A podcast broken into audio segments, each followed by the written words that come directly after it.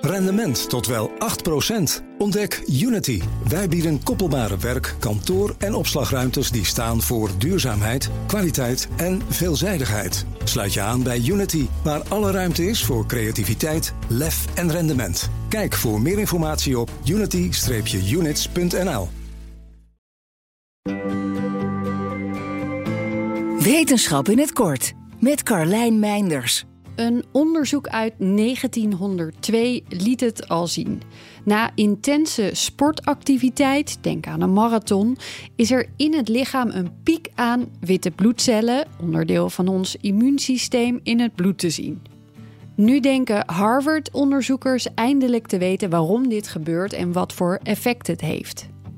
Ze deden een onderzoek in muizen waarin ze lieten zien dat de beschadigingen van spierweefsel als gevolg van intens sporten zorgen voor de activatie van anti-ontstekingsimmuuncellen.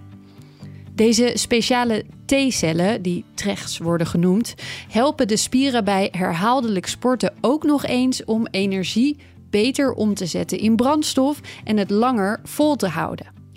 Trecht spelen ook een rol bij het tegengaan van ontsteking in een aantal auto-immuunziektes.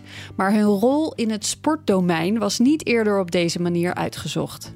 Het immuunsysteem is dus niet alleen een beschermer en vechter tegen ziektes, zeggen deze onderzoekers. Het speelt ook een grote rol bij andere processen, zoals bij de gezondheidseffecten van sport. Natuurlijk was dit wel een onderzoek in muizen en zal het herhaald moeten worden onder mensen. Toch geeft het al wel een indicatie dat als we willen begrijpen hoe sport ons gezonder maakt, iets wat we nog niet volledig begrijpen, we ook het immuunsysteem niet moeten vergeten. Wil je elke dag een wetenschapsnieuwtje? Abonneer je dan op Wetenschap vandaag. Luister Wetenschap vandaag terug in al je favoriete podcast-apps.